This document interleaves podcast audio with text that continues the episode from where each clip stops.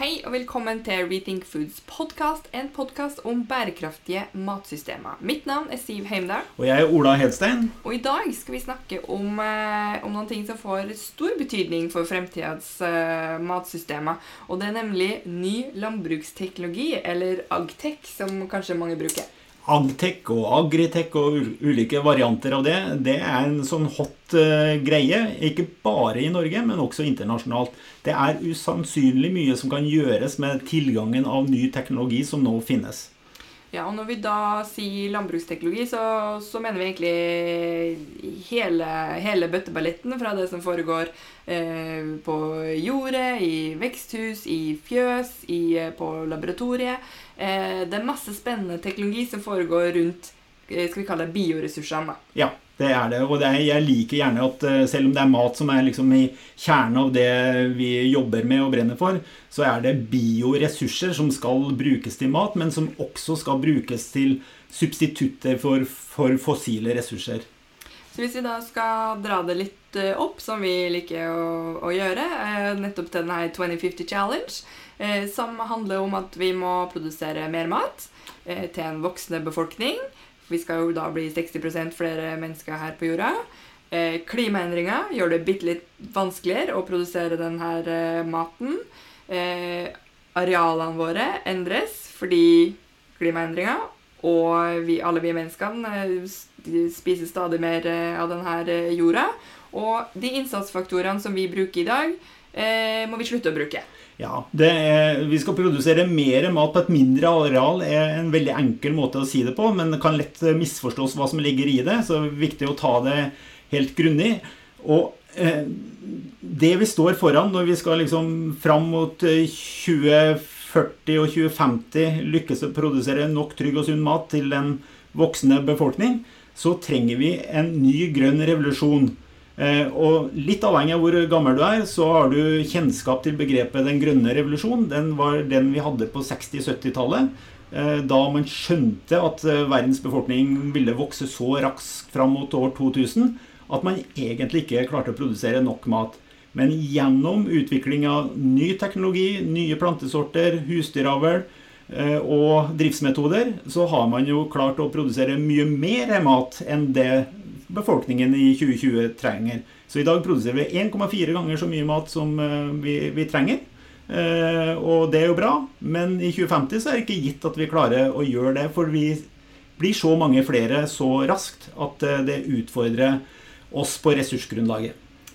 Ja, Så eh, vi skal da produsere mer mat på mindre areal, og vi skal slippe ut mindre klimagasser, også da en del av problemstillinga.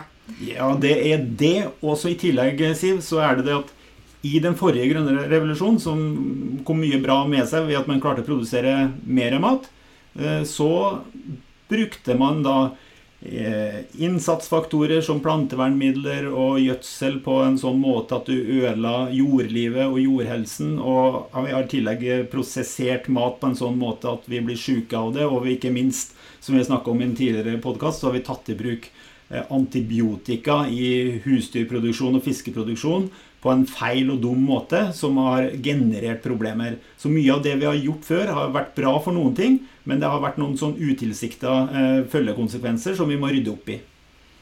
Ja, så vi har vært flinke til å produsere mat. Vi har bare gjort det på en litt eh, dum eh, måte. Så den utfordringa vi da står eh, overfor nå, eh, med dagens eh, matsystem, eh, er at vi må gjøre ting på en litt annen måte. Og det er her eh, da landbruksteknologien kommer inn. Eh, som eh, ja, Det er litt farlig å si sånn vidundermedisin, men den sitter jo på mange av løsningene til hvordan vi kan produsere mer mat, men på en annen måte enn det vi gjør i dag. Ja, det er jo Hele poenget her er på en annen og bedre måte. Altså Først må du ville da gjøre ting annerledes. Og for å gjøre ting annerledes, så må du finne den teknologien som gjør det mulig å få til det på en lønnsom måte. Det her handler det ikke om å sitte og vente på at det kommer en teknologi som eh, gjør at kua slutter å rape metan. Eh, det handler om å endre både eh, holdninger og produksjonsmetoder, og dra nytte av teknologi og kunnskap i den sammenhengen. For det som er så gøy, da, syns jeg, og det, de som hører på, merker sikkert at vi blir veldig gira og prater veldig fort her nå, så nå prøver å roe litt ned. Eh, det som er veldig gøy, er at eh, mange av de løsningene vi trenger, de er jo allerede utvikla. Og ikke bare sånn at den finnes i verden, men de er utvikla på norske universitet og kunnskapsmiljø. Ja, det er en det er en skjult hemmelighet, eh, rett og slett. For Norge er mer ledende på det som omtales som landbruksteknologi enn man skulle tro, gitt vi er så lite land og marginalt innenfor matproduksjon. Men drar du på store agtech-konferanser internasjonalt, så dukker det opp både ett og to og tre, fire norske firmaer som har helt fantastiske løsninger som utlendinger ikke skjønner hvorfor Hvorfor har ikke andre gjort dette? En veldig stor aktør innenfor eh, jordbær, Dresskål, du finner den i matbutikkene hvis du kikker, eh, de har eh, forelska seg i norske hygieniseringsløsninger for, jordbærplanter. norske roboter og norske maskiner som som, som, gjør eh, jorda fruktbar på nytt. Hvis jeg si det veldig kort. ja, Det er ganske fancy ting det er snakk om. og Mange har kanskje hørt om de her landbruksrobotene. Eh, de robotene som er aktive nå, da, det, det er roboter som da eh, lyser UV-stråler på planter for å fjerne dugg. Men det utvikles jo stadig nye roboter. Det er roboter som kan eh, så, kan plukke, kan luke. De kan gjøre veldig mye spennende og rare ting, de her eh, robotene. Ja, det er jo sånn at uh, Torvald, som det heter fra Saga Robotics, den selges jo kommersielt. Den lages jo i Norge, utvikla på NMBU og noen glippinger der. Uh, og et av markedene som de har fått, er jo England spesielt. Og etter brexit, brexit i enda større grad. Fordi eh, robotene går inn der og jobber hele tida eh, og frigjør behovet for arbeidskraft.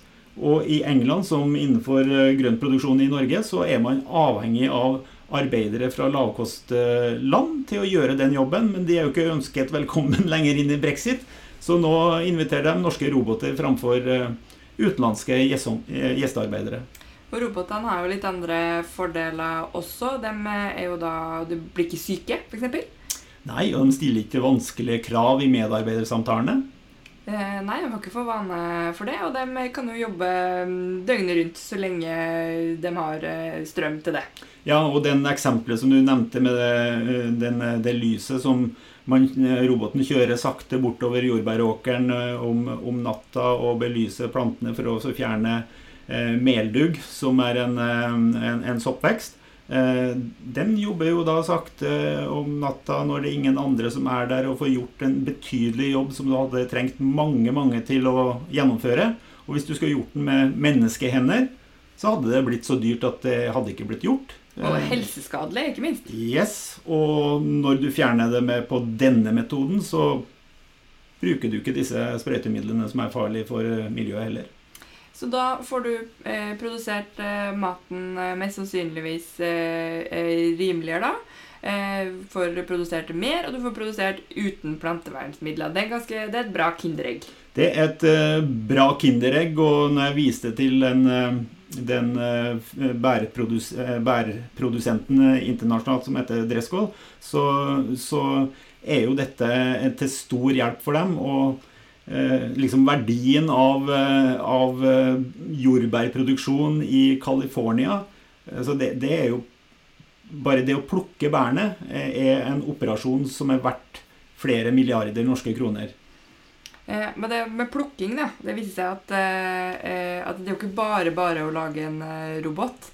Eh, det er fryktelig mye jobb som går inn i det. altså Den roboten vi snakka om som lyser UV-lys, skal tross alt bare gå fram og tilbake med noe, noe UV-lys, litt sånn eh, og heter solarium på toppen, egentlig. Uh, men det å skal etterligne menneskehender uh, og, og, få en sånn myk hånd som driver og plukker de bærene, det har vært lettere sagt enn gjort. Så jeg har sett ganske mange videoer av sånne robothender som bare sånn skviser de der bærene inn til syltetøy. Så det er mer sånn syltetøyrobot. Ja, syltetøyroboten er laga. Den, den, er prøvd ut også. De, de klarer å skvise jordbær. Det er demonstrert mange ganger. Så den utviklingen da, av den eh, robotarma, eller den saksa da, som de er som skal klare å klippe, eh, det er noe som har tatt, eh, tatt, mange år. Og jeg syns det er bare det er så fascinerende hvordan, hvordan den teknologiutviklinga går sakte, men den kommer sikkert. Den kommer sikkert, og det er også litt sånn spennende hvis du først er litt sånn nerd og glad i dette her, å følge med på vinner Saga Robotics med, med Torvald den konkurransen som er med ulike agtech-bedrifter som driver og trener opp roboter til å plukke jordbær på ulike måter. Eh, for det en er jo den varianten som du beskrev nå, med en liten saks som gjør at bæret ramler skånsomt ned. Men det er sugekopper og masse artige ting som andre firmaer har jobba med. Og den som løser det best, kommer til å ta det markedet. Og det kan bli den norske roboten. Det, men det er jo et eh, eksempel, da, for vi har jo mange andre spennende nye teknologier som utvikles i Norge også. En av min eh, personlige favoritt, og det er sikkert fordi den er utvikla i, eh, i, Romsdalen, det er jo da Nofence, hvor det er da gründer Oskar Hovde Berntsen som hadde den ideen om at gjerder det er en ganske ufyselig ting. Altså det å holde ting innesperra. Eh, det gjør jo da at eh, dyrene ikke får utøvd sin eh, naturlige atferd. For ikke snakke om at det er fryktelig mye jobb og vedlikehold med denne gjerdene. Og så kan jo ville dyr og, og husdyr da, for så vidt sette seg fast i de gjerdene. Så gjerder veldig dumt. Gjerder har ingenting i utmark å gjøre i et land som Norge hvor det skal være fri ferdsel, egentlig for både dyr og mennesker. Eh, og da er det jo fiffig å lage et digitalt gjerde. Ja, det, altså, det, er jo sånn eh, når du hører om det, så er det jo hvorfor i alle dager har ikke noen eh, gjort det før. Og det er fordi vi trenger sånne folk som da Oskar, som kjemper på ideen, eh, og som evner å gjennomføre det. Ja, og det er jo firmaet Nofence vi snakker om. Et ganske godt navn. altså Ikke-gjerde er navnet. Eh, og de bruker jo da den teknologien som har blitt tilgjengelig med GPS Eh, enkle, enkle, muligheter for å sende og, og, og, dele data, og forteller da dyrene hvor de får lov til å gå, eh, ved at de varsler når de begynner å bevege seg innenfor et område hvor de ikke skal være. Først ved en liten lyd, eh, og så hvis de går litt lenger, så kommer det en liten elektrisk impuls. Og så øker den på hvis den går lenger og lenger inn på ulovlig område.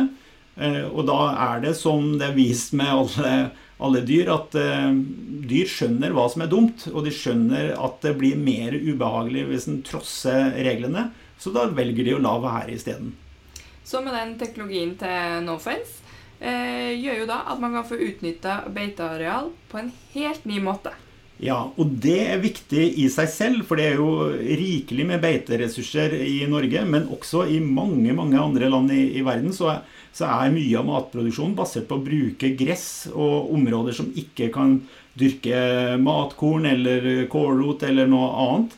Eh, og det å produsere mat fra disse arealene er vesentlig for å kunne produsere nok mat til en stadig mer voksende befolkning.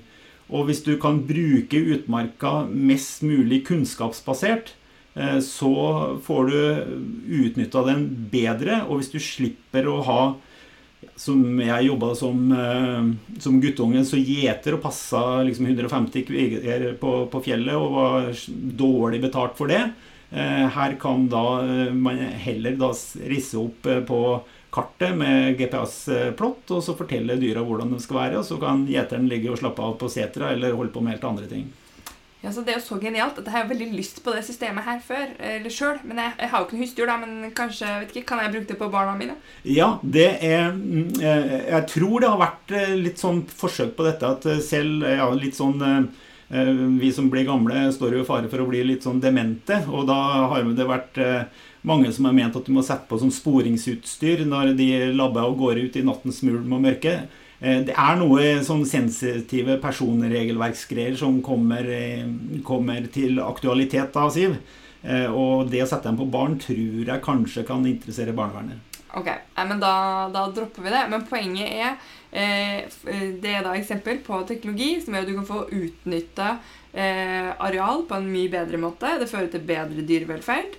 Eh, og bonden kan da bruke tida si på helt andre ting enn å, å valse rundt i utmerka og fikse gjerda. Ja, det kan det gjøre. Og så er det en side til ved det som, som det er eh, er litt sterke meninger om det, og det er jo selvfølgelig her rovdyra. Eh, men det er jo ikke noe tvil om eh, at det er mulig å bruke den type teknologi og litt annen teknologi eh, til, til både husdyr som sauer og, og, og rovdyra som ulv og bjørn, som gjør at de sjeldnere kommer i kontakt med hverandre. At du styrer det. Det er noen som mener at personvernet til rovdyra blir trua av det også, men men jeg tror det er rett å utforske de mulighetene for å ta ned den konflikten som er imellom de som er opptatt av rovdyr, og de som er opptatt av å bruke beiter. Jeg skifter tema raskt fra, fra rovdyr eh, over på, på, et siste eksempel, da, eh, som da går på produksjon av, eh, av korn på friland. Eh, og det er jo da eh, Det trengs jo en del eh, gjødsel for å produsere korn. Eh, det har vi hørt mye om det sist. ikke sant? At, eh, at, prisen på gjødsel har blitt så høy at bøndene ikke har lyst til å produsere matkorn. Men så finnes det et fantastisk, magisk kjøleskap som da tar eh, og eh, gjør husdyrmøkka til et mye mer effektivt eh, gjødsel. Eh, så det er ikke mineralgjødsel, det er ekte, ordentlig gjødsel. Yep. Eh, basert da på en eh, så avansert teknologi at jeg klarer ikke å si det engang. Nei, det, det, jeg skal ikke ta på meg å beskrive teknologien, jeg heller. Men, men det som man enkelt, eh, enkelt, gjør, det er at man bruker den første eh, metoden til Hydro for å binde eh, karbon nei, binde nitrogen ifra, eller fange nitrogen i lufta. Eh, de brukte det da til å lage mineralgjødsel. men et, eh, et, norsk firma fra Kongsberg de har utvikla dette kjøleskapet som du beskrev som. Eh, som du plasserer sammen med gjødselanlegget på en gård som gjerne driver med storfe. Eh, og så anriker man gjødsla med nitrogen som er fanga i luftene på gården, og forhindrer behovet for å kjøpe inn kunstgjødsel. Eh, du reduserer, eh, reduserer avdampning av uh, ulike drivhusgasser fra gjødsla. Uh, og du reduserer lystgassutslipp fra jorda etter å ha brukt kunstgjødsel. Og du får en langt bedre husdyrgjødsel i seg selv. Det er jeg mener det Potensialet i å redusere klimagassutslippene fra melkeproduksjon er 30% ved å bruke den metoden. Og den, den virker. Eh, til og med gjødsla slutter å lukte når du behandler den på den måten. Så det er veldig bra i sånne nærområder hvor, hvor du bor, Siv. Eh, for da kan du spre det ut på jordene uten at det ødelegger klesvasken til eh, folk i, borets, eh, i boliglaget. Ja, nå har ikke akkurat jeg noe, noe, problem med det, selv om jeg bor da rett ved en åker. Jeg tenker ah, det lukter matproduksjon, tenker jeg da. ja, det er bra. Jeg, jeg må innrømme at jeg personlig ikke skjønner hvorfor folk lar seg irritere av litt litt eh, kumøkklukt en sjelden gang i året. Det er eh, til å leve med, men der er vi forskjellige. Ja, vi får la den eh, Vi får da den også Nå roter vi oss inn på to sånne konflikttemaer. Ja, det skal vi jo ikke vi går raskt videre. Men vi har nevnt noen, noen jeg vil kalle det grensesprengende teknologier nå. Men altså, det høres jo fint og flott ut, men det er et lite problem. Og det er jo å si at ja, det reduserer utslippene fra melkeproduksjon. Og skulle jo ikke tro at det var noe annet vi snakka om som samfunn, at vi må redusere utslippene. Eh, men så er det jo ikke sånn at eh, vi er ikke så veldig villige til å betale for det. Nei, det, det, og det er jo sånn med mange ting som man vet det går an å gjøre annerledes.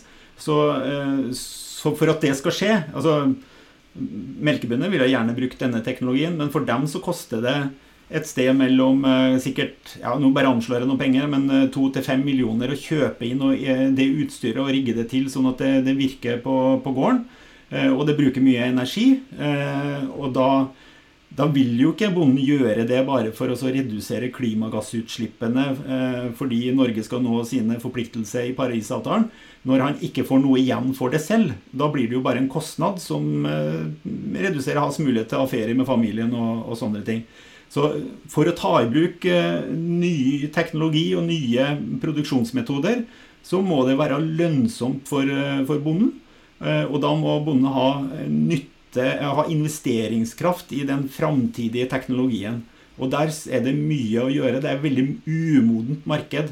Bønder stiller ikke opp på dugnad for å få det dårligere økonomisk selv. Det er, sånn, det, gjør, det er ingen som gjør det. Nei, det, det, jeg tror ikke det gjelder bare i landbruket. Det gjelder vel i business eh, generelt. Og vi er jo der nå at, eh, som vi har nevnt flere ganger før, at eh, kostnadsnivået på mange innsatsfaktorer eh, øker.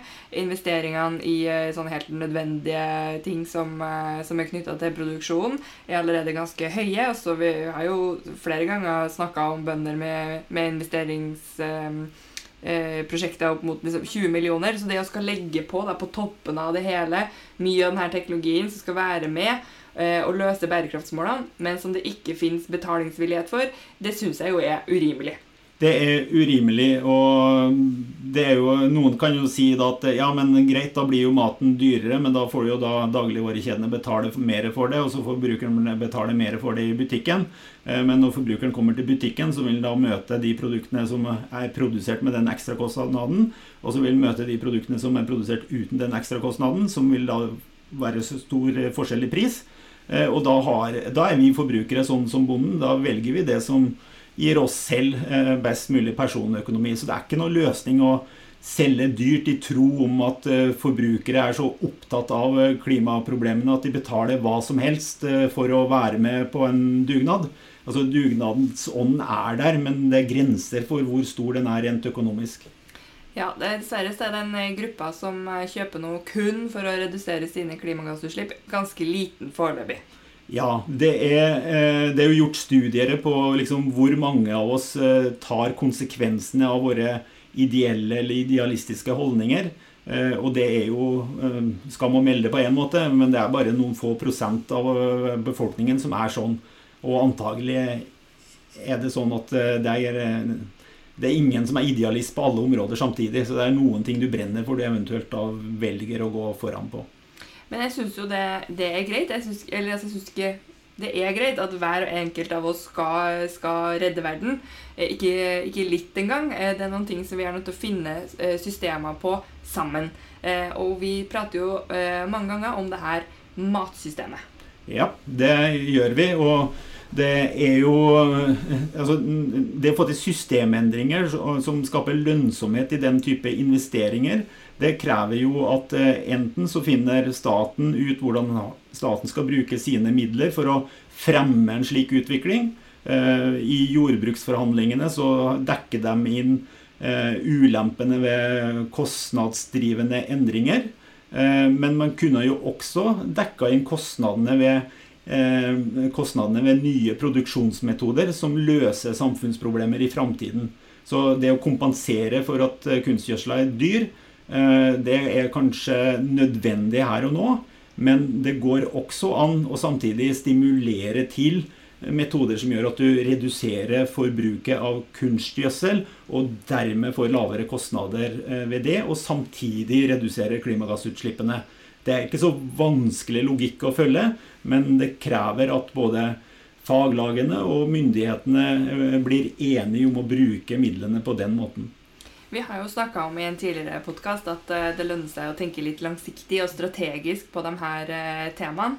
Uh, og um, en ting er jo verdiskaping fra selve matproduksjonen, men de teknologiene vi har snakka om, de er jo også relevante for store deler av verden.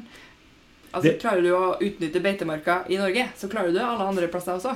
Det, det, er selvfølgelig riktig. Hvis du, skal, eh, hvis du, jobber med en eller annen landbruksteknologi, eh, som vi nevnte, da er nitrogenfangstløsningen, eller Nofence, eh, eller det her robotene til Saga Robotics, så er det jo et internasjonalt marked for de løsningene. Og i en sånn strategi for hvordan vi skulle utnytte, utvikle matproduksjonen i Norge, så er det all grunn til å vurdere om ikke man skal styrke leverandørindustrien til bionæringene som en framtidig eh, leverandørindustri, men også eksportnæring i Norge. Eh, det, det, vi er flinke til i Norge historisk, altså det, det, skyldes jo, det, skyldes jo rett og slett de klimatiske og topografiske forholdene som er for å produsere mat i Norge. Det har gjort oss flinke til å lage bra mat og mye mat på et marginale forutsetninger. Eh, og klimaendringen skaper marginale forutsetninger for matproduksjon mange andre steder i verden. Eh, og da har vi en, en, vi er både en god treningsarena for å utvikle teknologien, og vi har mye eh, kunnskap om hvordan vi utnytter marginale produksjonsforhold ved at vi dyrker mat nesten under, nesten under arktiske forhold. Så her sitter vi da med eh, sånn På lengre sikt så tror jeg at det kommer til å være et eh, behov Eh, fordi vi har nødt til å løse de her bærekraftsmålene. Eh, og vi sitter da på teknologi som kan benyttes til å løse problemet. Så man skulle liksom tro at her var det bare å sette i gang. Ja, det er det, men som vi beskrev i sted, så er det liksom veld, veldig umodent marked, og det der med lønnsomhet kommer inn. men men rekken av gode ideer og gründere som setter i gang, er jo ganske stor blitt, og vi har nevnt at de har allerede fått internasjonal oppmerksomhet ved det de har fått til, en del av dem. Eh, så det handler jo også om å eh, legge til rette for at disse gründerne skal få de beste forutsetningene til å, å lykkes. Eh, og da er det jo heldigvis flere aktører som, som bidrar til det. Vi gjør det jo selv også. Vi har jo fått Eh, støtte og finansiering fra stiftelsens teknologiformidling, eh, som har gitt oss penger nå i tre år for å fremme, eh, fremme aktører som har gode agritekniske løsninger. Og det er givende å jobbe med. Og så trenger vi at Ja, vi trenger at innovasjonsmiljøer og, og og clustere og klyngere og næringshager eh, rundt omkring i Kommune-Norge og fylkes, eh, på fylkesnivå samarbeide om å få utnytta det kreative potensialet som ligger hos eh, nye aktører som har funnet nye løsninger på framtidens problemer og framtidens muligheter. Jeg bare kom på et eksempel til som jeg syns er veldig gøy. og det er jo da det med sensorikk ja. eh, og digitale øyne. Eh, for det, det, er sikkert sånn som egentlig alle vet, men som jeg ikke tenker over. Men det er jo at eh, hver fisk er jo unik. Eh, har, eh, denne laksen har jo ulike prikker og, og, ser jo litt annerledes ut, selv om eh, jeg klarer, klarer, virkelig ikke å se forskjell i det hele tatt. Men det klarer de her sensorene. Um, så et av de eh, teknologiene som også utvikles her i Norge, er jo da um, programvare som klarer å identifisere uh, hver eneste fisk og følge med og ser om de har det bra. Svømmer de riktig på den riktige måten? Begynner de å bli litt slapp? Hva er det som foregår her? Uh, så det fører jo også til at denne uh, dyrevelferden da kan økes. Også en ting som vi forresten ikke er så veldig gira på å betale mer for, men, men kanskje på sikt. Ja, det, det, er et sånn hot tema. Eh, vår etiske standard eh, gjør at sånn teknologi er absolutt noe som, som må utnyttes. Og oppdrettsnæringa som har søkelyset på seg, for de produserer så store volum, og det er så mange individer eh, som, som, ikke bare er forskjellige, men de, de, dør jo fordi man ikke klarer å, å, å holde dem godt nok. Eh, og det må man redusere. Eh, dødsfall i husdyrproduksjon og oppdrett eh, det er jo ikke akseptabelt. Og der skal tallet være så nært null som overhodet mulig. Og på oppdrett så er det langt fra null, så der må det gjøres mer. Så sånn ansiktsgjenkjenningsteknologi brukt til noe mer fornuftig enn det man bruker det til i Kina og Russland, som da på laksen, det høres bra ut. Ja, for Grunnen til at jeg nevnte akkurat det eksempelet, eh, det var for å dra det her litt videre til ukas livezoom. live-zoom. Eh, for da skal vi altså da prate med, med Havinstituttet. Ja, eller Havforskningsinstituttet, som det heter. Hva sa jeg? Du sa Havinstituttet. Men det, det, er jo det er jo et institutt blant flere i Norge som, har, som er spisskompetente på sine produksjonsformer. Vi har jo flere av disse instituttene. Men Havforskningsinstituttet skal jo da eh, jobbe med, med dyrevelferd, eh, antibiotikabruk, eh, de skal utnytte ressurser i havet, de skal sørge for at eh, miljøet for de viltlevende eh, fiskene, plantene, tang og tare og alt som er i sjøen, har det bra. Eh, og de blir det jo interessant å snakke med. Både i forhold til hva som er viktig, hvordan er det mulig å øke matproduksjon fra havet. Eh, og hvilke problemer står man overfor som man må gjøre noe med. Og har vi teknologiske eller kunnskapsmessige løsninger som gjør at vi kan gjøre ting på en helt annen måte. Yes, og den eh, samtalen da, den kan du følge, fra, kan følge live fra vår Facebook-sending, eller så kan du da vente på tirsdag og få den i podkast-feeden din. vi har jo prata opp og ned og, og, i mente om denne eh, landbruksteknologien. men jeg tror kanskje vi lar det være der nå, med mindre du sitter inne med noen poenger du ikke fikk. Nei, vet du, vi kan la det ligge litt. Eh, men vi jobber jo veldig mye med landbruksteknologi. Og jeg har stor tro på at vi sånn rett etter, eh, rett etter sommerferien har eh, nye eh, nasjonale satsinger på, på, det området som det skal være en glede å snakke om. Men da må, vi liksom, da må det gå litt stang inn på et par prosesser som gjenstår først. Oh, da fikk du tisa litt ja, fram i tid, og en grunn til at folk da må fortsette å følge med framover ja, også. Det blir en game changer hvis det går som jeg håper. Ok, ja, men Da satser vi på at det går som du håper. og så sier vi takk for oss her.